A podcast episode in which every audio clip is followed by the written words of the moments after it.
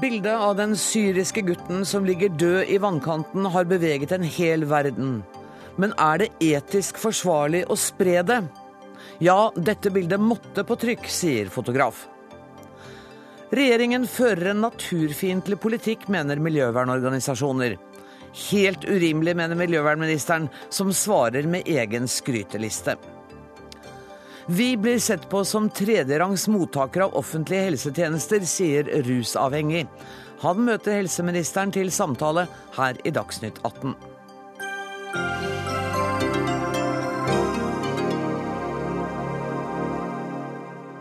Og I løpet av sendinga skal vi også møte forfatter Roy Jacobsen, som har skrevet en ny roman kalt 'Hvitt hav'. Men først. Bildet av den døde treåringen Aylan Kurdi, skylt opp på stranda i feriebyen Bodrum, har spredt seg med lynets hastighet på sosiale medier. Gutten ligger urørlig i vannkanten med rød T-skjorte, blå bukser og svarte joggesko. Hans fem år gamle bror Galip og deres mor Rehan, som var 35, døde også da båten deres kantret under overfarten til den greske øya Kos. Spørsmålet er om det er riktig å vise bilder av et dødt barn. Og jeg skal gjøre oppmerksom på at eh, jeg nå har tenkt å vise dere bildet for de av dere som ser denne sendinga på fjernsyn. Det er et sterkt bilde, og diskusjonen dreier seg nettopp om det er riktig av meg og andre å gjøre det. Her er bildet. Morten Krogvold, fotograf, hva tenker du når du ser dette? Jeg tenker at eh, det var en rar start på dagen. altså Det er som å bli slått ned av en bokser. Eh, og eh, jeg syns at det bildet er et så sterkt symbol på Europas mangel på besluttsomhet. Og hvis man klarer å se det bildet være uberørt og tenke at nå sender vi hele Børnsen hjem, så, så må man være totalt følelsesløs. Og jeg mener at dette er veldig riktig å trykke, hvor enn ubehagelig. Jeg har jo barnebarn, og de ligger jo sånn og sover. Mm.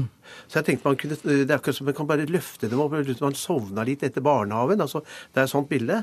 Du har lyst til å gå ut og vekke ham, liksom? Ja, nettopp. Ja, ja. Og for meg, dette er mitt barn. Det er ditt barn. Det er Norges barn. Det er verdens barn. Det er alles barn.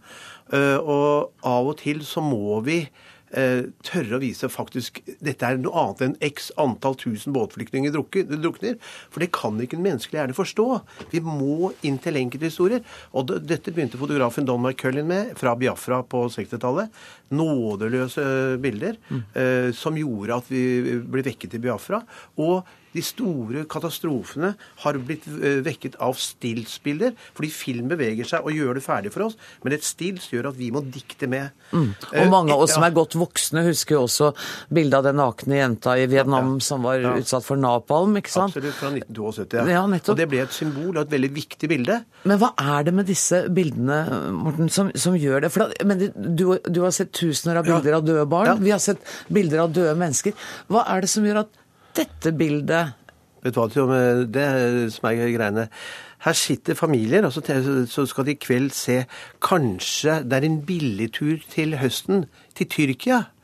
Og så kommer de på den stranden, og der lærer vi de norske barna våre å svømme på akkurat den samme kysten. Og det setter oss i et enormt perspektiv. Vi heldige, bortskjemte nordmenn eh, skal feriere i det samme gåseøyne paradiset hvor hele verdens katastrofe skyller inn innover oss. Derfor har det bildet så stor slagkraft, og jeg dikter med. Jeg, jeg ser for meg når tok, de tok avgjørelsen, når de drar ut i den båten, når de betaler disse pengene til disse svina.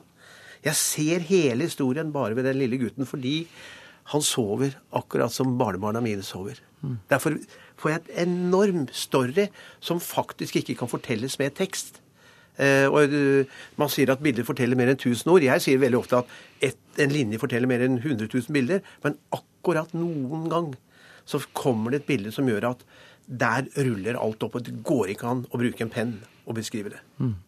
Og Vi skal kanskje fortelle resten av historien for han har altså mistet moren hans døde også. Han gutten døde, broren døde, eh, og han har en far som lever, og som etter det vi vet er på et sykehus eh, i uh, Tyrkia. Var du noen gang i tvil om det var riktig å distribuere dette bildet? Nei, fordi situasjonen er så katastrofal. Uh, og da må vi faktisk tørre å å skrike ut at Men hva med sånn hans integritet, da? Hva med Nei, jeg tror at han kommer til å bli et fanta... Altså, hvis det, dette høres helt forferdelig ut, men hvis det skal finnes en antydning til mening, og det finnes det ikke en treårings død, så må det være at det løftes opp eh, en, eh, At politikere ser dette er at vi ser det, at vi sier at dette går ikke. Eh, og da, så snakker vi om vi skal ta 6000 eller 8000 til Norge. Det blir absurd. Morten Krogvold, eh, jeg må kaste deg ut av studio, for du skal videre til en annen TV-sending her. Vi, tusen takk for at du kom. Vi skal snakke mer om dette bildet, men først skal vi til eh, situasjonen i Ungarn, eh, hvor man også ser grusomme bilder. For ungarsk politi har nå sperret av områder rundt togstasjonen i Biske og beordret alle journalister bort fra stedet hvor et tog med flyktninger har blitt holdt tilbake. Flere flyktninger mener de har blitt lurt på tog som har kjørt til asylmottak og ikke ut av Ungarn, slik de trodde. Og korrespondent Guri Nordstrøm, du er i Budapest. Hva er det som foregår? Ja, I dag tidlig så åpnet jo plutselig politiet dørene for migranter og flyktninger på jernbanestasjonen i, her i, på Kreti-stasjonen i Budapest. Da var det en rekke enorme mengder mennesker som løp inn, kastet seg på togene. Det kom et tog med et tysk flagg på. De jublet og løp inn. Vi prøvde å fortelle dem at dette her er bare nasjonale tog. Dere kommer ikke ut av Ungarn med dette. Men, men mange ville ikke høre. De løp på og, og trodde at nå, nå skulle de komme seg ut av Ungarn. Så, de da, så, viste det seg da at uh, dette toget, eller disse to togene ble stanset etter fire mil i Byrske. Der ligger det et asylmottak. Uh, de som var om bord på togene, ble tvunget til å gå av, og det skapte da enorme scener. Folk uh, klamret seg til skinnegangen. Noen løp over jordene og prøvde å presse seg inn i togene igjen, fordi mange er skive. De vil jo ikke på dette asylmottaket. De vil ut av Ungarn. Er det barn også blant disse flyktningene? Det er det. Det er enorme mengder barn. De siste nettene så har de sovet på fortauet utenfor jernbanestasjonen her. Det var en del barnefamilier i dag som lot være å presse seg på disse togene fordi at det var så kaotisk, men det var også noen som løftet barna sine inn. Da det senere kom meldinger om at disse togene hadde jo ikke gått til grensebyene mot Østerrike og mot Slovakia slik, slik de trodde, mm. så var det veldig mange her som var veldig lettet for at de ikke hadde tatt med barna sine på det. Men det var mange barn som også dro. Og nå har vi hørt meldinger om at journalistene nå blir holdt unna det som skjer. Forklarer myndighetene hvorfor det? Nei, det gjør det ikke. Eh, mediene ble der jaget bort. Og det første man da alltid tenker er at nå skal det kjøres noe som ikke tåler dagens eh, lys. Eh, men her i Budapest så har vi fått jobbet i fred hele veien i den flyktning- og migrantleiren som har oppstått rundt togstasjonen her. Her har politiet bare stått rolig og sett på i alle, eh, alle disse dagene her. Men mange av migrantene og flyktningene har hele tiden tryglet oss om at vi ikke må gå. Mm. De er redde for at med en gang kameralampene slukkes, så vil ikke politiet være like snille lenger. Tusen takk for den rapporten, Guri Nordstrøm. Per Arne Kalbakk, du er nyhetsredaktør her i NRK. Og etter det Guri nå forteller, så kan vi vente at på Dagsrevyen nå så kommer det igjen sterke bilder, denne gang fra Ungarn. Hvor vanskelig er, helt alvorlig, de, de diskusjonene dere har før dere viser bilde av denne gutten i vannkanten, for, eksempel, eller småunger på tog? Det er, det er veldig, veldig krevende diskusjoner. Og Det er jo nesten ufattelige scener som utspiller seg nå, både i Ungarn, Budapest og ikke minst med båtflyktninger og migranter rundt Middelhavet. Det er, det er enklere med det som skjer i Budapest. Journalistikk er å dokumentere virkelighet, og dette er en virkelighet for mange tusen mennesker. Det er en virkelighet for Ungarn, for Østerrike, for Slovakia, for EU og for oss.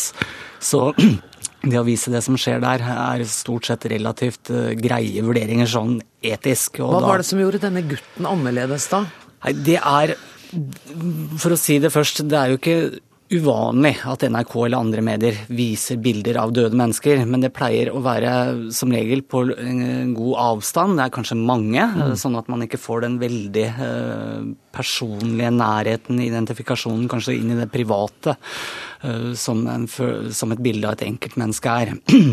Det er, Vi har gjort flere vurderinger av det bildet. Det kom jo via Reuters, et internasjonalt nyhetsbyrå, i går.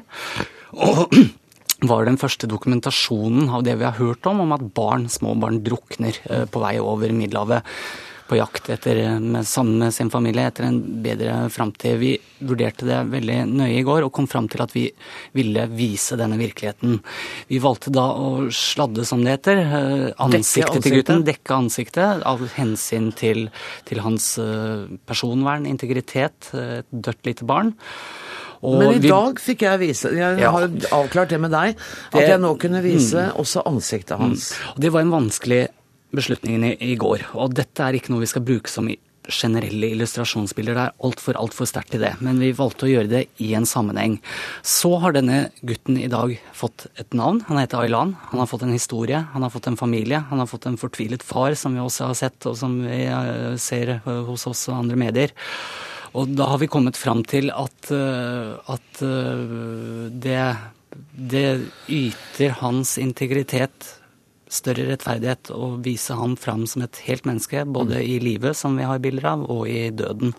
Og også fordi det er en eh, dokumentasjon og et bilde som, som forteller noe veldig mye mer enn seg selv. Kommunikasjonssjef Redd Barna, Line Hegna.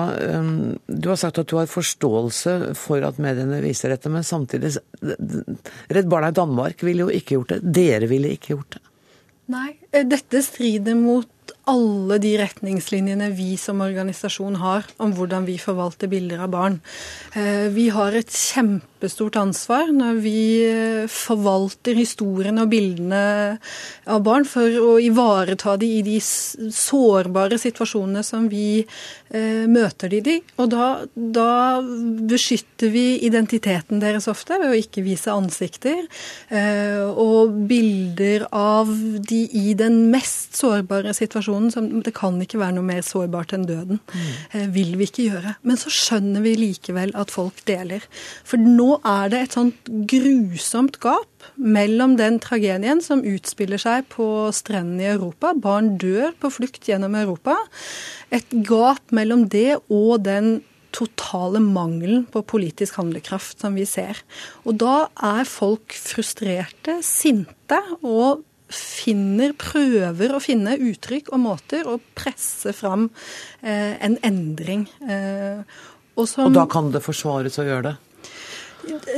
Altså jeg tror at, som Krogvold sa, dette her er et bilde som Dette kommer vi til å snakke om i historien. Mm. Dette kommer til å være et av de ikoniske bildene som illustrerer det som skjer nå, og som jeg tror historien vil ikke være nådig når den skal beskrive hvordan Europa møtte dette. Mm. Det som er bra, er at dette har gått ut nå fra de rene sosiale kanalene over i redaksjonene. Aylan har fått et navn, han har fått en historie, og det er viktig og bra. Og en identitet. Per Arne Kalbakk, du går over i stillingen som eh, etikkredaktør her i NRK. Sånn som situasjonen er, så vil jeg jo tro at disse spørsmålene blir ikke færre i tiden som kommer. Nei, på, på, ingen måte. Og det er også viktig å si at dette er en uh, beslutning om å publisere som hører til unntakene. Mm. Vi og alle andre redaksjoner får inn mange titalls, kanskje hundretalls bilder, video av døde mennesker hver dag, og velger å ikke bruke de aller fleste. Under Gaza-krigen i fjor så viste vi også noen bilder av, uh, av døde barn, også da i forbindelse med å fortelle historie, også sett fra deres familie. Vi kan gjøre slikt helt unntaksvis for i en motivert sammenheng for å fortelle og vise en virkelighet som er veldig viktig. Men vi må vokte oss veldig vel eh, for å, mot å bruke dette som et vanlig virkemiddel, for da blir folk numme, og folk vil bare velge å ikke ta det inn over seg. Jeg er nødt til å sette strek der. Tusen takk for at dere kom, Line Hegna og Per Arne Kalbakk.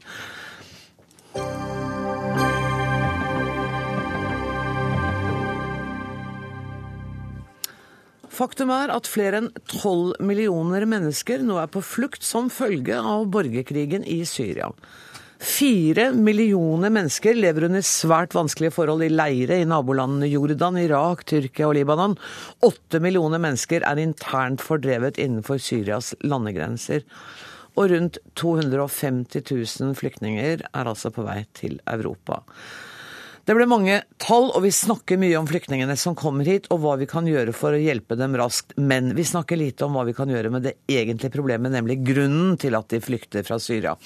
Førstelektor ved Universitetet i Oslo, Tine Gade, du har skrevet en doktoravhandling om politisk lederskap blant sunnimuslimene i Tripoli, Libanon, og forholdet mellom ulike typer aktivister fra Tripoli og Assad-regimet. Var det noenlunde riktig? Det var veldig bra. Jeg hadde det skrevet opp, da. Eh, kan ikke du forklare meg, hvordan, hvordan er situasjonen i Syria nå? Nei, situasjonen i Syria i dag eh, blir jo bare mer og mer tragisk. Eh, det er jo en situasjon, en krise, eller en krig, på flere nivåer. For det første er det en borgerkrig um, mellom de som uh, støtter Assad-regimet, uh, og de som ønsker at Assad skal falle, at det skal komme et nytt regime, som i seg selv er splittet. Uh, på den annen side så er det en proxy-konflikt mellom regionale aktører. Eh, som f.eks. mellom Iran og Saudi-Arabia. Um, og um, tre, for det tredje så er det en humanitær katastrofe. Mm. Um, og så spiller IS en rolle i dette her? Ja, det gjør de, det gjør de helt klart. Um, samtidig, Jeg har gjort feltarbeid i det siste i Libanon. Samtidig så må vi ikke glemme eller, For det er jo veldig veldig mye fokus da, eh, på IS. Det er jo mm, ikke så mye snakk om, om Assad-regimet lenger og årsakene til konflikten. Um, så vi må jo heller ikke glemme f.eks. i august måned i år, da, som var, den, uh, som var en veldig dødelig måned, hvor uh, Beklager, jeg må ha litt statistikk, jeg også. Ja, vær så god. Men, da døde uh, 2040 mennesker. Døde det 2040 mennesker ja, i august? Ja, bare i august. Og da, av disse så var 1623 eh, ble, ja, de ble drept av eh, Assad-regimet, eh, regjeringsstyrker. Mens 236 ble drept av Daesh, eller IS. da. Så vi ser at det er absolutt regjeringsstyrkene som dreper flest, da, og tønnebombene til Assad.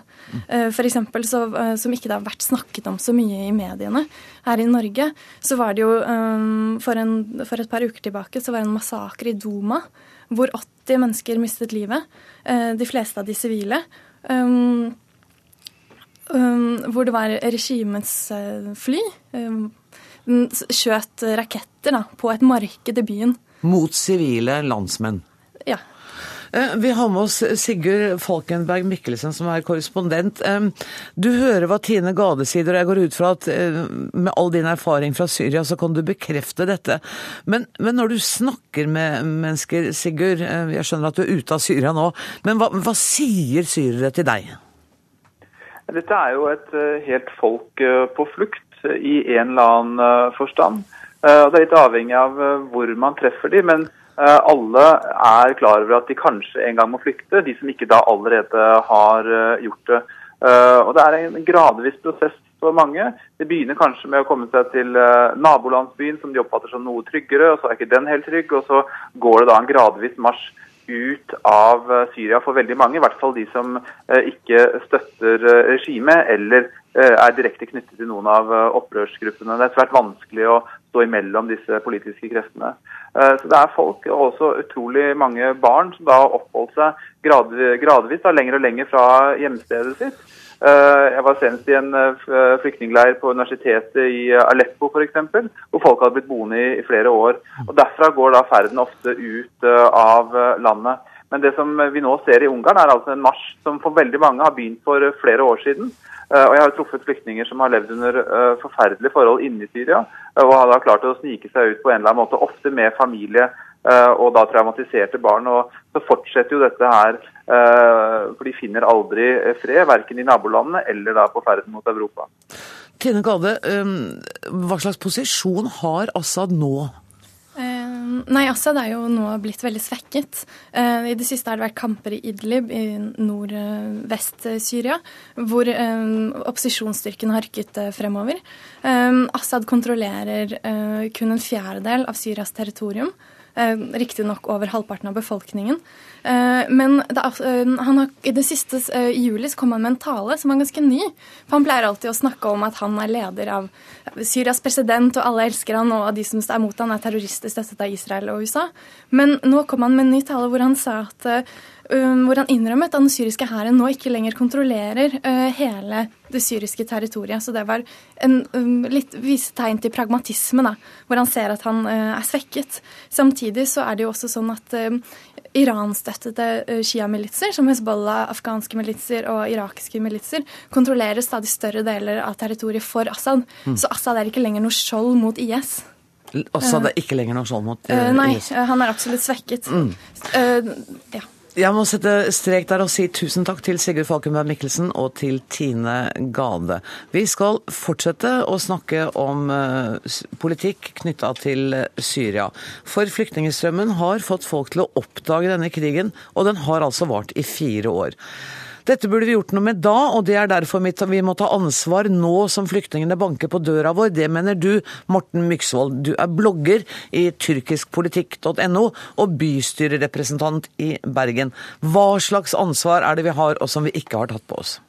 Det som er realiteten, er at vi har gjort for lite for lenge. Eh, det er litt spesielt at behovet for å hjelpe nærområdene f.eks. vært trukket fram når folk banker på døra vår. Eh, når folk dør på vei over til vårt kontinent. Men nærområdene har jo blitt underfinansiert i mange år. I år, når måtte, oppmerksomheten har blitt så stor som den er, så er bare 37 av det FN mener er behovet for 2015 finansiert. Det mangler nesten 3 milliarder dollar for å dekke behovet. Og Da er ikke det rart at folk som, har, eh, som kom til Tyrkia for to år siden, nå begynner å bevege seg videre. Det, det må vi jo ha skjønt at, at, det ville skje på et eller annet tidspunkt. Jeg ville gjort det eh, hvis jeg hadde bodd på gata i Tyrkia i to mm. år uten noen framtidsutsikter der. Folk Men hva burde uten... vi ha gjort da? Hva, hva burde vi ha bidratt med? Det er jo ingen debatt om hva som skal til for å stoppe krigen i, i Syria. Nå er det jo ikke sånn at en, en, militær intervensjon er en sikker måte å gjøre det på. Det er Libya et veldig godt eksempel. Men debatten om oppretting av en sikkerhetssone inne i Syria har blitt fullstendig eh, avblåst i, i, flere år. Eh, og, og, all oppmerksomhet nå, eh, som da òg sier, er jo knytta til, til, IS. Mm. Eh, mens, mens, rotet til konflikten er jo Assad-regimet. Nettopp. Borgland Pedersen, du er statssekretær i Utenriksdepartementet. Eh, ser du for deg at verdenssamfunn eller noen kunne gå inn militært mot Assad-regimet i Syria? Det er i hvert fall sånn at det er en uh, ulykke for Syria og for naboland for hele regionen og for hele verden at Sikkerhetsrådet har vært så splitta i denne saken at det har bidratt til en handlingslammelse. Og at man har vært så splitta i uh, regionen, som forskeren sa, også en proxy-konflikt for uh, aktører i regionen. Og Det som er helt nødvendig for å få til en løsning, er jo en politisk løsning i Syria. Og eneste måten å få til det, er hvis verdenssamfunnet står samla. Det innebærer at også Russland må eh, bidra. Og hvis man kan få til at de regionale aktørene bidrar til det. Det har jo vært vårt eh, engasjement eh, hele, hele veien. Mm.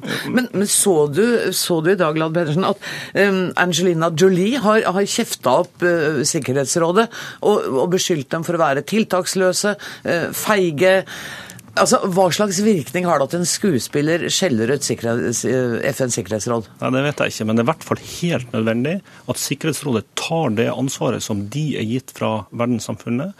De har vært splitta og dermed handlingslamma i fire år. Tenk at Eh, for fem år siden så dro det flyktninger til Syria. Nå er det hjem for den største flyktningkatastrofen vi har sett siden andre verdenskrig. Vi hadde en debatt her, eh, Dere hadde en debatt her før som minner om at dette er eh, enkeltmennesker. Det er tolv millioner mennesker på flukt i Syria og i nabolandene. Hvert enkelt av de mennesker som meg og deg, og som de bildene som vi har sett i det siste. Um, det, det, handler altså mye om FN og om et splittet FN, Myksvold. Um, du er tidligere tidligere Frp-politiker. Hva syns du om måten regjeringen takler flyktningeproblematikken flyktningproblematikken på?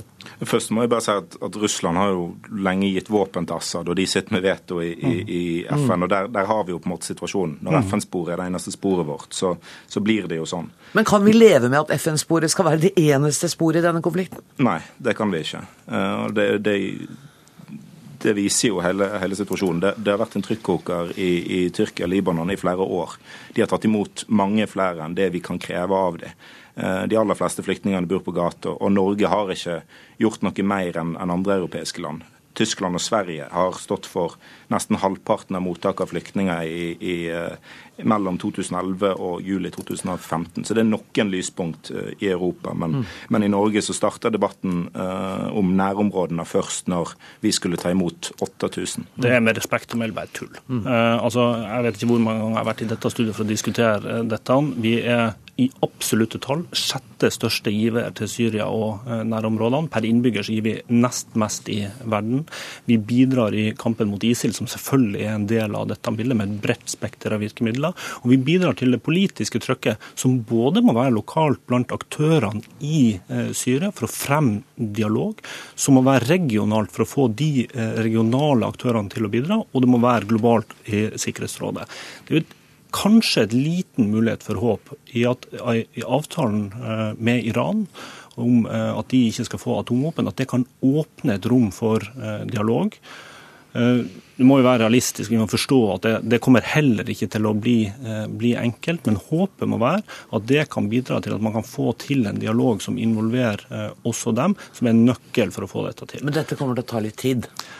Jeg frykter jo, eh, jo, det, og så syns jeg det er rett at vi blir minnet om at ISILs grusomheter er ikke de eneste grusomhetene i dette landet. Og Norge har jo heldigvis vært med å bidra til at kjemiske våpen er transportert ut, sånn at Assad-regimet aldri igjen kan bruke kjemiske våpen mot sin egen sivilbefolkning. Og de lidelsene som Assad har påført sitt folk, fullstendig uakseptable. Og det viser jo hvor viktig det er det politiske engasjementet som vi eh, har.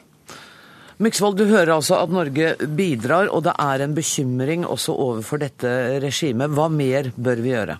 Som jeg sa, så mangler det jo nesten 3 milliarder dollar på årets eh, behov. Og selvfølgelig Norge har, har, gitt en del. Når jeg sa at Tyskland og Sverige var lyspunkt, så var det på, på mottak av flyktninger. Ja. Eh, og det er der eh, Norge har, har gjort som, som, resten av Europa, egentlig sittet og venta. Ja. Og, og trodd at, at, situasjonen i, i, Tyrkia og Libanon kom til å bare være som man var. Vi måtte jo ha skjønt at, at folk ville, ville flytte ut uh, og, og, prøve å komme seg videre fra, fra Tyrkia og Libanon. Vi må gjøre mer for å hjelpe mennesker i nød, helt åpenbart. Og så må vi støtte FNs spesialutsending, Staffan de Mistura, som har ansvar for å få til den politiske dialogen. En kanskje verdens vanskeligste jobb, og derfor så trenger han vår støtte og det internasjonale samfunns støtte. Tusen takk skal dere ha, Morten Myksvold og Bård Glad Pedersen.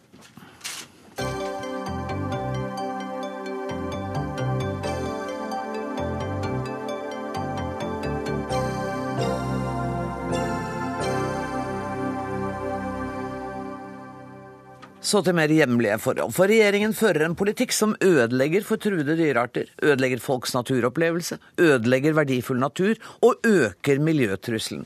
Denne nådeløse dommen kunne vi lese i Dagsavisen i dag, med tre miljøvernorganisasjoner som avsender, nemlig Naturvernforbundet, Samarbeidsutvalget for biologisk mangfold og WWF Norge.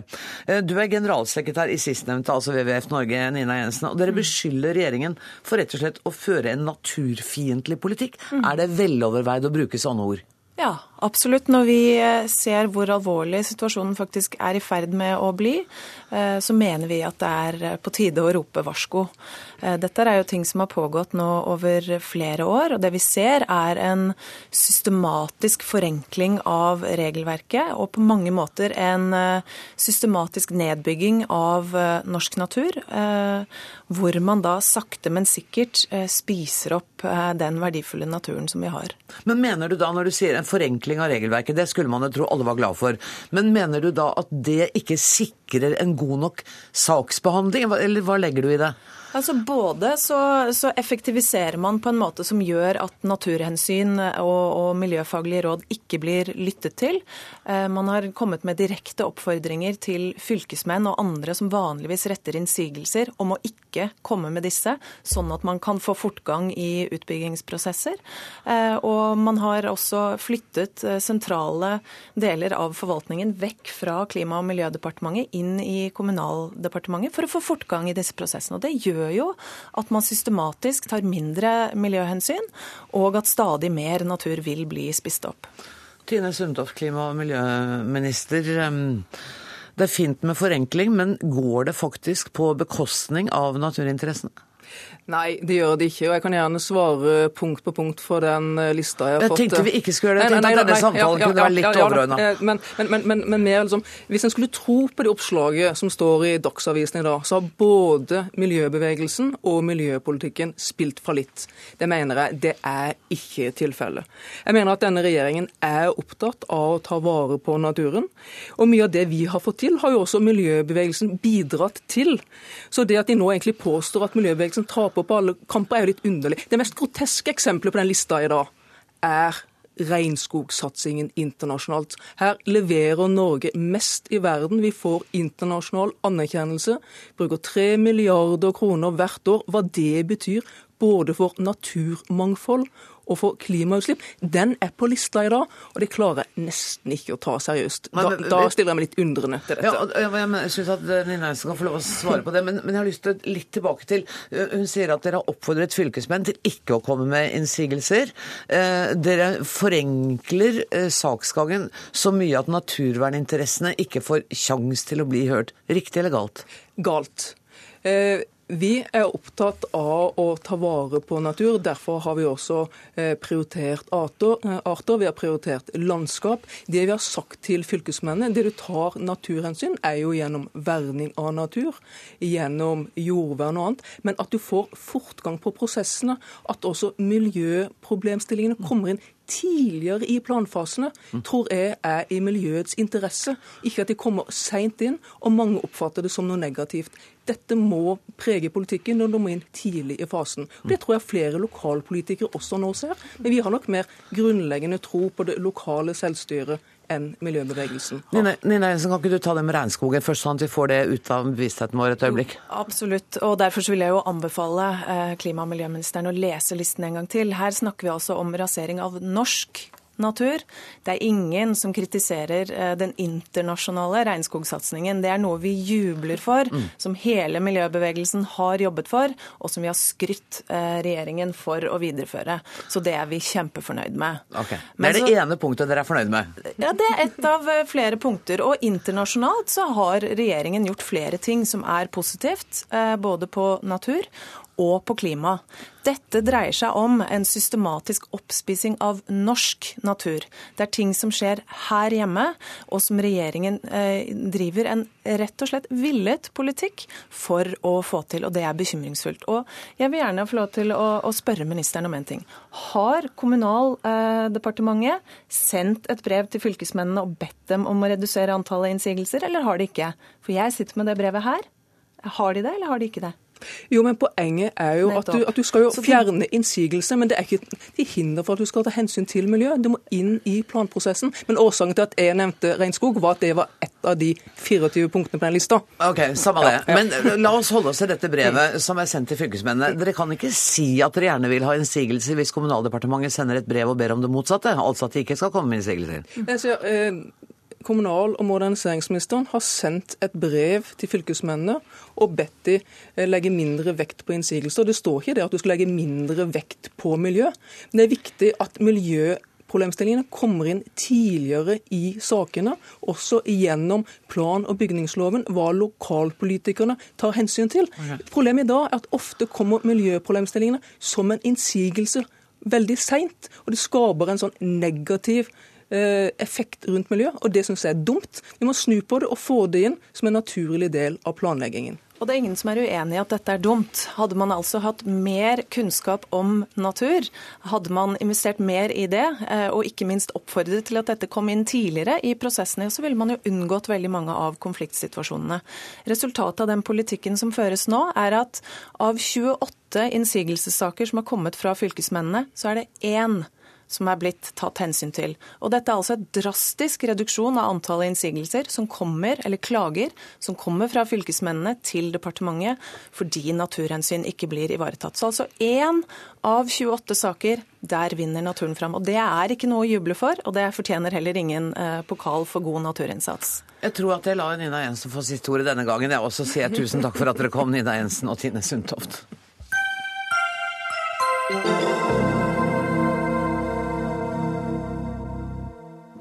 Er veldig bra at Bent Høie bryr seg om oss rusavhengige på verdens overdosedag. Men hva med årets 364 andre dager?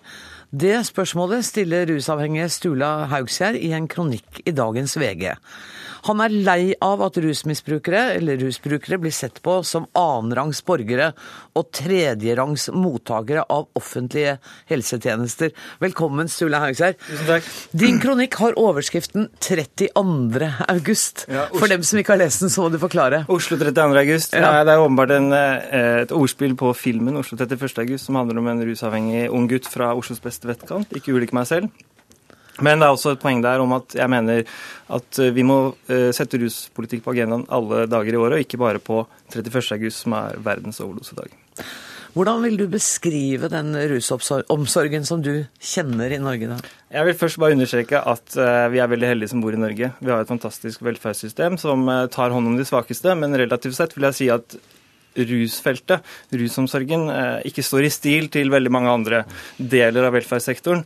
Og spesielt gjør dette seg utslag ved at de aller, aller svakeste, de 3000-4000 injiserende brukerne vi har her i Oslo, eh, lever det jeg vil kalle uverdige liv. Har vi Eh, opp mot 4000 eh, i Oslo? Sist jeg sjekket. Ja. Det er et høyt tall. Det er et veldig høyt tall, og vi har også veldig høye overdosetall. Det er bare Estland som slår oss med eh, over 300 overdosedødsfall i året. Vi har faktisk gjennomsnitt 260 overdosedødsfall i året. Og dette er på en måte bare toppen av isfjellet, for utover dødsfallene så er det også en rekke andre ting som er forferdelig for disse menneskene. Eh, og ikke minst dette med at de blir jaget av som kriminelle i Oslo sentrum. Har du tenkt på at du kunne vært av overdosetilfellene, eller en av de som setter sprøyter på plata? Ja, Det er jo en eh, virkelighet som jeg våkner opp og lever med hver dag, og som fortsatt jeg ikke kan være sikker på at vil ramme meg en dag. Men jeg er heldig som har mye ressurser. Jeg har familie, og jeg har et nettverk som gjør at jeg har klart å ta imot den hjelpen som tilbys meg av eh, Bent Høie og sosialhelsetjenesten, men det er det ikke alle som klarer. Og problemet med den politikken vi har i dag, er at den eh, rammer de aller svakeste, for de klarer ikke å ta imot hjelpen som blir tilbudt dem. Eh, og de trenger vi å sette fokus på. Hvordan skal de få verdige liv? La oss gjøre det, Bent Høie. Du er statsråd med ansvar for nettopp eh, dette området. Det er, eh, du har lest kronikken Ja, eh, til Slag fra. Eh, Det er en ganske rystende beskrivelse av de aller svakeste og de sjukeste blant oss. Ja, og det er òg noe som jeg er helt enig i. Jeg synes at eh, det at vi rusavhengige i Norge, som er i en aktiv russituasjon, har f.eks. forventa levealder som er 20 år kortere enn resten av samfunnet, det er en av de mest tydeligste urettferdighetene og sosiale ulikhetene vi har i det norske, norske samfunnet. Og rusavhengige har eh, fått et systematisk for dårlig helsetilbud eh, i Norge i veldig veldig mange år. og Jeg tror at mye av bakgrunnen for det handler nettopp at en har hatt en moralsk tilnærming til dette spørsmålet. der En har på en måte lagt skylden på denne pasientgruppen eh, sjøl. Mm. Og det er noe som vi vil eh, komme vekk ifra. Dette er folk som er syke, de har behov for eh, hjelp. Og det er òg noe av bakgrunnen for at vi la fram en opptrappingsplan for et samla rusfelt, eh, som nettopp skal bidra ikke minst til å gi bedre hjelp eh, til de aller svakeste, f.eks. med å etablere tilbud sånn som Lasso eh, flere steder i Norge. Hva er Lasso? Ja, det er et eh, realiteten lavterskeltilbud med legemiddelassistert rehabilitering som kan nå fram, som når fram eh, til noen av de eh, sykeste eh, ak- i aktiv Og. Naltrexon og veldig mange andre gode prosjekter. Og jeg vil gi deg masse honnør for å ha satt eh, ruspolitikk øverst på agendaen. Og jeg syns at dere gjør mye bra arbeid, og jeg vil også takke dere for å bevilge 2,4 milliarder ekstra. Men så lenge vi ser at situasjonen er som den er, eh, og at vi fortsatt har så høye overdosetall som ikke er verdig et land som kaller seg verdens beste land å bo i, så er vi nødt til å prøve alle løsninger helt til vi får tall vi er fornøyd med. Og det er det jeg ønsker å sette fokus på i dag. Hvilke løsninger snakker du om? Nei, altså da, da må vi jo ta tak i disse eh, Jeg mener at da må vi begynne å se til, på disse kontroversielle løsningene, og til land som f.eks. Portugal, eh, som har gått til skrittet og faktisk laget en eh, politikk eh, basert på synet om at rusavhengighet er en sykdom og ikke en kriminell livsstil. Eh, og de har gått til skrittet å avkriminalisere eh, rusavhengighet, som gjør at eh, de rusavhengige i Portugal ikke blir jaget av eh, politiet med pistol, men blir jaget av eh, ansatte i sosialhelsesektoren med forskjellige tiltak.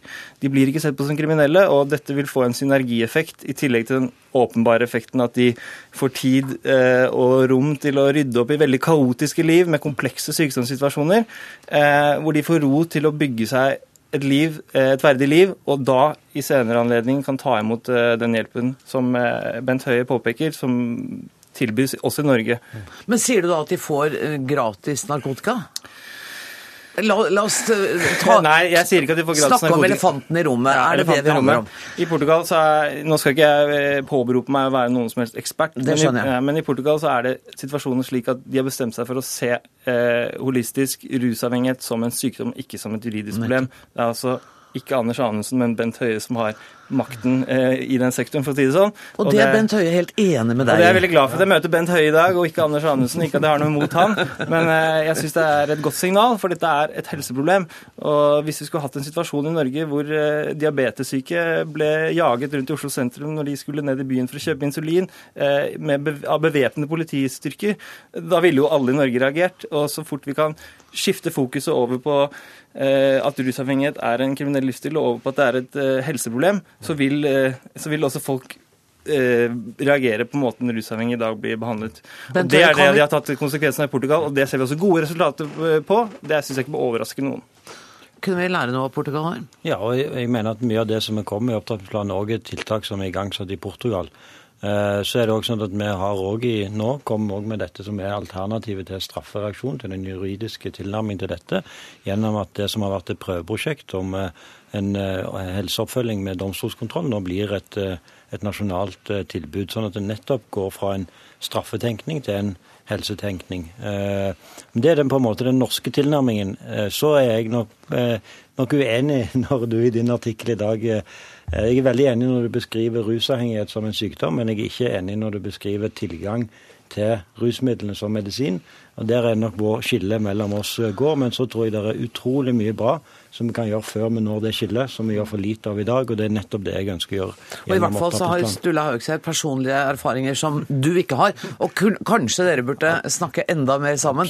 Foreløpig sier jeg tusen takk for at dere kom til Dagsnytt 18, Bent Høie og Sturla Haugseid. Tusen takk.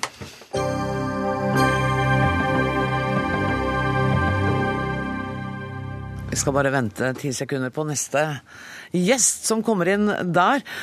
Um, jeg har lyst til å begynne med et sitat. Hei, Roy Jacobsen. Jeg har lyst til å begynne med et sitat som jeg tror du kjenner. Gud har ikke så stor kjærlighet for menneskene på kysten som han har for dem i innlandet og i byene. I lange perioder glemmer han dem helt. Og de glemmer han. Ham. Dette er sitat fra Hvitt hav. Det kan hende at Gud glemmer menneskene, og at menneskene glemmer ham, men du glemmer ikke de menneskene langs kysten. Um, Du har skrevet bok nummer to om Ingrid og Barrøy. Hvorfor måtte du velge nordlandskysten? Ja, det er jo skjebne. Eh, Jeg holdt på å si jeg er jo derfra. Eller i hvert fall min mor er derfra, og min sjel er derfra. Så det var, jo, det var jo et enkelt spørsmål. Men da jeg var ferdig med nummer én, da, altså De usynlige, Ja. så var jeg for en gangs skyld ikke ferdig med stoffet. Jeg hadde mer, så jeg begynte veldig kort tid etterpå å begynne å fuske og skrive litt på det bindet som jeg kommer nå i morgen, eller når det er. Ja. Og eh, det eh, Jeg visste ikke at det skulle bli noe. Jeg, så Derfor så står det ikke nummer én på den. Bindet én. Det står ikke min to på det bindet her. Men eh, det er Jeg måtte bare fortsette. Det var, det var noe jeg aldri har gjort før. altså. Skrive oppfølger, liksom. Men vet du hva, det tenkte jeg som leser òg, da jeg hadde lukket igjen siste side av De usynlige. Så tenkte jeg dette her, her kommer han til å komme med mer. Dette, her kommer det til å skje noe. Nå liker jo jeg den følelsen hos leseren at leseren ikke er ferdig, da. Vi er ikke fornøyd i det hele det er- tatt. Det er, eh, når boka er over. Da skal du jo begynne å leve i, i leseren, ideelt sett. Du, vi må snakke litt om hovedpersonen, i, for jeg syns hun er eh, så utrolig bra dame, som vi ville sagt i dag. Jo, jo, jo. Du begynner vi tar vi i 1944. Ingrid, ja. hovedpersonen, flytter tilbake til bare hvor hun er aleine, tror i hvert fall det. Hva er det med denne dama? Hun er så utrolig sterk og ordknapp og litt mutt og rett og slett litt vanskelig. Ja, altså Det er jo ikke verbale mennesker, dette her. De, er, de, de, de sløser ikke med ordene, for å si det sånn.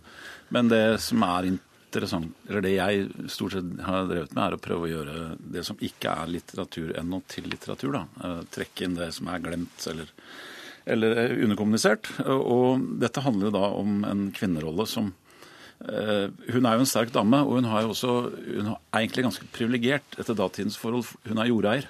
Er hun har eiendomsretten til denne øya, og dermed ansvaret for den.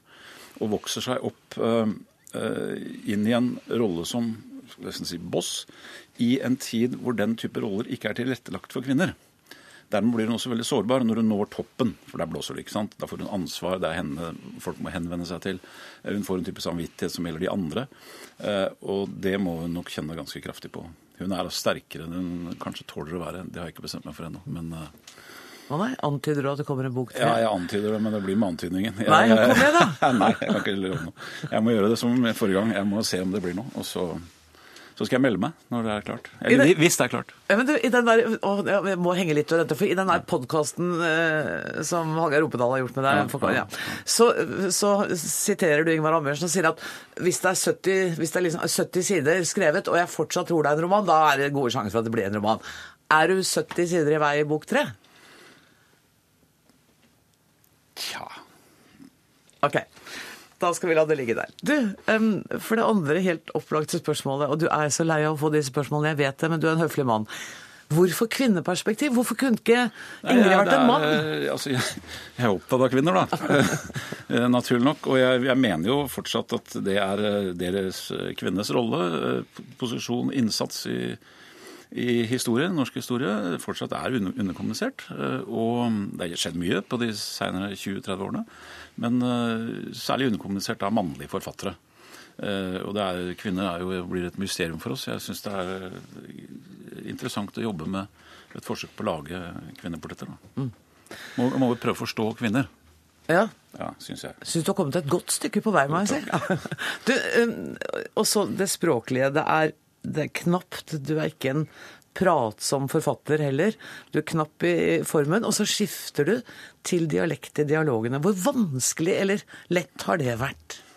Nei, altså jeg, jeg får jo eh, det er, det er veldig vanskelig å skrive romaner, eh, det er det. Men, men eh, jeg, jeg, det stoffet jeg jobber med her, har jeg fått inn med, med, med morsmelka, så jeg føler meg ganske hjemme i dette universet. Eh, Og drar mye veksler på jeg, Altså, jeg har ikke trengt å gjøre, eller trengt å gjøre en, en masse research, f.eks. Eh, Jeg har fått veldig mye inn med morsmelka og gjennom det livet jeg har levd. Kan du alt om dette? Om fiske, om båter, om Hvis jeg, redskap? hvis jeg skriver om å flekke fisk, så er det fordi jeg mener at jeg vet hvordan det skal gjøres, ja. Mm. Du skriver mye om, ikke bare om flekking av fisk, men det jeg ja, tenker men på altså, dette, dette, dette er, jeg, skriver om kloke hender. Jeg Ja. skriver om folk med, med visdom i kroppen og musklene, og med erfaring, eh, som besitter enorm kunnskap om det, den kunsten det tross alt har vært, eller og fortsatt er mange steder, å overleve på sånne steder. Eh, og det er jo ikke folk som sitter og kjenner på følelsene sine og, eller bruker lang tid på å beskrive et eller annet tegn til indre lidelser. Eh, er, de lever tett på, eh, tett på elementene. Og eh, her er nok det, det, det kroppslige og det manuelle eh, Det er nok der intelligensen ligger i, i, framfor i evnen til å uttrykke seg nyansert. Boka begynner i 1944, men når jeg leser den, så, så er det allikevel ikke som om krigen er sånn påtrengende nær. Selv om dette må være de mest dramatiske opplevelsene i disse menneskenes Ja. liv. Du har ikke først og fremst skrevet en krigs, en roman om Nei krigen? krigen. da, jeg liker å kalle det en, en eh, kjærlighetsroman fra havet, men, men det skjer jo da i, i dette ualminnelig interessante året, eh, og dramatiske året, eh, fra høsten 1944 med denne katastrofen, denne skipskatastrofen som griper inn i, i Ingrids liv. Eh, Og kontrasten til den forrige romanen, der er øya nærmest et isolat. Nå kommer verden til øya. Eh, og jeg har da beholdt, som jeg har gjort i et par romaner tidligere, dette froskeperspektivet. Altså det, det vanlige mann og kvinne som, som blir overveldet av begivenhetene, innhenta av historien, så å si. Eh, hvordan de reagerer på det, og eh, prøver å reagere. Og prøver å håndtere det med en slags verdighet, for det er det de har, disse folka. Og så er den annerledes på alle måter, men også Ja da, det er usynlige, fordi at den er drevet av et plott. Det skjer noen ting. Ja, det er en, eh, det usynlige var usynlige er for så vidt mye mer sånn eh, hva skal jeg kalle det, tema eller eller eh, orientert. Ja. Eh, eh, her, er, her er det en handling. Dette er en plottdrevet, men også karakterdrevet, da, vil jeg si. Vet du hva jeg er så spent på? Jeg har bare fått lest manus ikke sant, som fløyt rundt omkring. Jeg gleder meg sånn. Når kommer denne boka? Ja, Den skal foreligge i morgen. I morgen. Jeg sier bare gled dere alle sammen. Tusen takk for at du kom, Roy Jacobsen.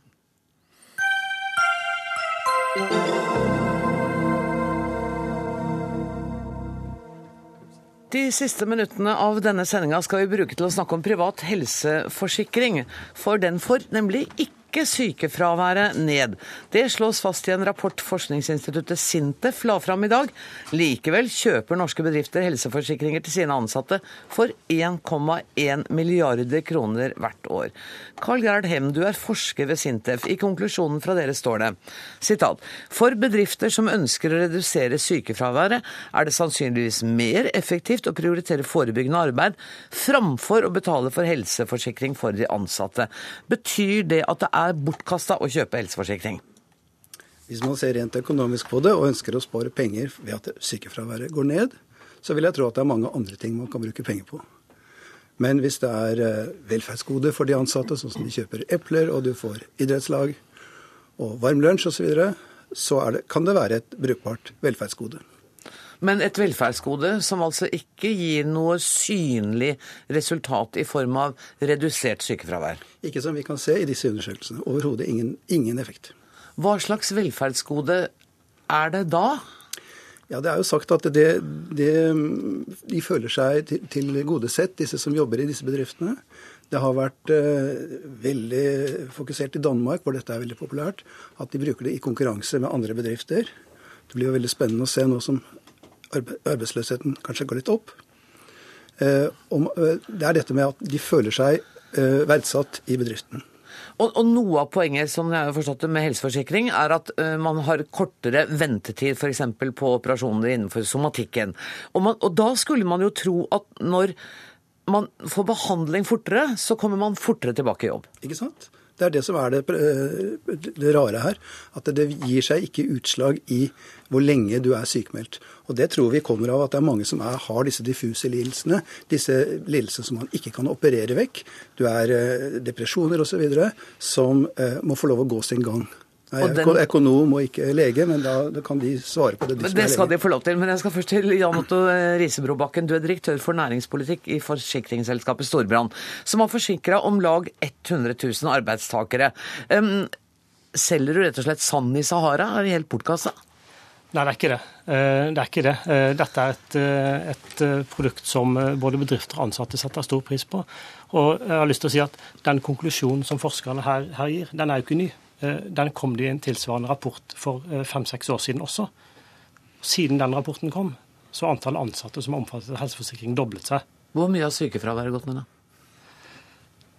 Ja, det, det vet han Men Burde ikke du vite det, som selger disse forsikringene og har dette som løfte? En del med sykefravær har vel gått ned i perioden. Men, men altså, jeg, jeg, bestrider ikke hans konklusjon. Og det er heller ingen som tror at det å kjøpe en helseforsikring alene eh, løser et sykefraværsproblem. Det krever helhetlige tiltak, omfattende tiltak. Det vi ser, og får mange, mange, gode tilbakemeldinger fra våre kunder, er at der man eh, kombinerer helseforsikringen med eh, andre tiltak, så opplever man at, eh, at, det har effekt, at man får ned sykefraværet. Men det er vanskelig å isolere effekten av det knyttet til, syke, til, til helseforsikringen alene. Men, men, dette er et gode som settes veldig stor pris på, både av bedriftene og de ansatte. De kjøper det, fortsetter å kjøpe det, og de beholder det. Kjell Åge Sørensen, du er bedriftslege entreprenør- og eiendomsutviklingsselskapet Veidekke. 6400 ansatte omtrent driver hovedsakelig med fysisk arbeid hos dere, ikke sant? Og likevel har dere ikke kjøpt denne type forsikring. Er det fordi det ville koste ca. 15 millioner kroner, eller hva begrunner det det med? Det er sikkert en av forklaringene, men vi har jo fått sykefraværet ned fra 5,6% i 2011 til 4,1 i dag ved å arbeide med bedriftskultur og en vi-kultur innad i bedriften. Så det vi har fokusert på, er jo å lære opp ledere til å følge opp sykefravær ordentlig. Og det er jo såpass nå at eh, ansatte forventer at de blir fulgt opp. Så du skal ikke glemme som leder å følge opp dine ansatte. Det forventes. Og det er på en ordentlig måte, og det holder vi i bedriftshelsetjenesten kurs for å få de til å bli gode på. Ok, La meg høre, Hvordan følger lederne opp de ansatte? For det, jeg, jeg, tenker at hvis sjefen min ringte sånn etter 14 dager og sier åssen går det, så vil jeg ikke bli noe fortere frisk av det. Nei, og det er, ikke, det er, vel ikke bare det de gjør. For De ringer for å høre hvordan det går, selvfølgelig. For å få en viss status på hva, hvilke muligheter har du til å legge til rette. Er det muligheter til å komme tilbake i jobb hvis du kommer på en gradert sykemelding? Kan du jobbe én dag i uka? Kan du jobbe halv dag? Kan du jobbe litt sakte? Kan du gjøre noe? Så vil vi prøve å legge til rette for deg hvis det er mulig. Det er det ene vi gjør. Og så er det jo det å, å at det blir mer en kultur for at det er ålreit å være på jobb. Når det er så lite sykefravær, så er det ganske vanlig å være på jobb. Og selv om du da er eh, litt skral en dag, så går du på jobb og sier at eh, jeg er ikke helt bra i dag, men kan jeg slippe å gjøre det tyngste arbeidet ute på byggeplassen? Og så har vi også basene med på dette lederopplæringskurset på sykefravær. For en bas er jo leder for et lag av tømrere f.eks., og veldig god da på å legge til rette for sine kolleger. Så mm, det er blitt mer vanlig å gå på jobb selv om du ikke helt fungerer, og det er mye muskel-skjelettplager i en sånn bransje som vår. Som ekte inkluderende arbeidsliv, det. Ja, og vi er jo en IA-bedrift. Mm. Var det sånn det var, intensjonen var når man laget IA-bedrifter? At det var sånn det skulle virke? IA-bedrifter skulle jo være fleksible. Du skulle få lov til å kunne gå hjem før. Du skulle kunne ha lang sykemelding hvis du ville, og si fra uh, hvis, du, hvis du hadde behov for tilrettelegging. Men, men når, når Risebrobakken sier at de, kan, de har ikke tall på om sykefraværet går ned, eller om det er stabilt, um, men at folk opplever et stort velvære ved at de har denne sykeforsikringen, er ikke det grunn god nok da, tenker du? Det er en kostbar ordning som, som jeg sier, det hadde kostet 15 millioner kroner for Veidekke å ha det for sine ansatte. For Sintef hadde det kostet ganske mange penger. Eh, og vi har veldig mange tilsvarende ordninger i, i, i eh, det offentlige. Eh, det finnes en telefon man kan ringe i Tønsberg, pasientrådgivningstelefonen. Og man kan gå inn på fritt sykehusvalg hvis man har en henvisning og lurer på hvor man kan vente kortere osv. Man kan gjøre ting selv som, eh, som mye av det ligger i de tjenestene. Men ikke den profesjonelle oppfølgingen som de får hos, hos forsikringsselskapene. Men, men det er noe helsevesenet burde ha stått for. Så det gjør jeg som bedriftslege og bedrifts, de andre i bedriftshelsetjenesten. At vi bruker de ordningene som er offentlige. Vi bruker fritt sykehusvalg aktivt. Vi bruker ordningen med Raskere tilbake for de som er sykmeldt eller står i fare for å bli sykmeldt. Og vi, jeg ringer ofte og spør, jeg forklarer på, på, et sykehus og sier du, jeg har en asfaltarbeider her, han er sykemeldt. Og, og, er det noen mulighet for å få han til en eh, rask konsultasjon, i hvert fall, så vi kan avklare om han skal opereres eller ei? Så det går an? Det går an, hvis du spør pent og, og forklarer situasjonen. Og da får du ofte et napp på det, og så får du ja, vi har en avbestillingstime i løpet av en uke her, så mm. da skal han få den. Risebrobakken, kan det hende at eh, det velvære eh, kundene deres føler er resultatet resultat av placeboeffekt? Altså at de får en sukkerpille og tror det hjelper? Dette er, ikke, dette er ikke bare sukkerpille. Det de får av oss, er en rett til å komme til behandling innen 14 dager. Og selv om forskerne mener at ventetider da ventetider i helsetjenesten generelt ikke har noe å si for sykefraværet, så tror jeg det ventetider, det å vente på behandling, er ganske viktig for den enkelte. Det er en grunn til at det å redusere ventetiden i helsetjenesten er et viktig mål for helseministeren. Sant? Det er ikke greit å vente lenge på, på behandling. Vi gjelder den behandlingen innen, innen, 14 dager. Det har noe å si. Så jeg har lyst til å si at Veidekke, er, altså Veidekke har en bedriftshelsetjeneste i særklasse. Den er veldig bra. Men det kan ikke være helt umulig? Altså Det må være mange, mulig for flere å ha maken? Jo, men mange bedrifter har verken eh, kapasitet eller ressurser eh, til å ha noe tilsvarende. Eh, og da kan en, helseforsikringsavtale, eh, hvor vi tar mye av den rollen, eh, ivaretar de ansatte på mye av den samme måten som de gjør, være til god hjelp. Sørensen, er dere et enestående tilfelle? Vi gjør vel så godt vi kan, og får vel ganske gode resultater av mye av det vi gjør. Og, og, men det er jo ikke bare bedriftshelsetjenesten dette her, selv om det er viktig med en eh, god bedriftshelsetjeneste. Og det er vel kanskje det bedriftene burde satset mer på enn andre ting, som, som helseforsikring kanskje. Men, men, det å jobbe med bedriftskultur er vel noe av det viktigste. For det tar tid å bygge opp en god bedriftskultur og bygge opp en trygghet på at du kan snakke om sykefravær, og at det ikke er negativt å gjøre det. Og at det er lov å snakke om det, og at det er greit. Og du kan til og med si at du har er borte fordi du er psykisk syk, og ikke bare på det fysiske plan. At du har rusproblemer, at det er en åpenhet på det. Og Det er jo også noe som Veidekke har et godt Akan-opplegg, og har gode resultater rus, eh, for rusmisbrukere, som vi klarer å, å få til å beholde jobben og bli rusfrie. Der fikk du faktisk aller siste ord i denne Dagsnytt 18-sendinga. Jeg skal bare si tusen takk for at dere kom, Carl Gerhard Hem, Jan Otto Risebrobakken og Kjell Åge Sørensen. Og helt til slutt skal jeg fortelle dere at det var Dag Dørum som var ansvarlig for denne sendinga i dag. Det tekniske ansvaret har Finn Lie. Jeg heter Anne Grosvold og ønsker dere en riktig god kveld.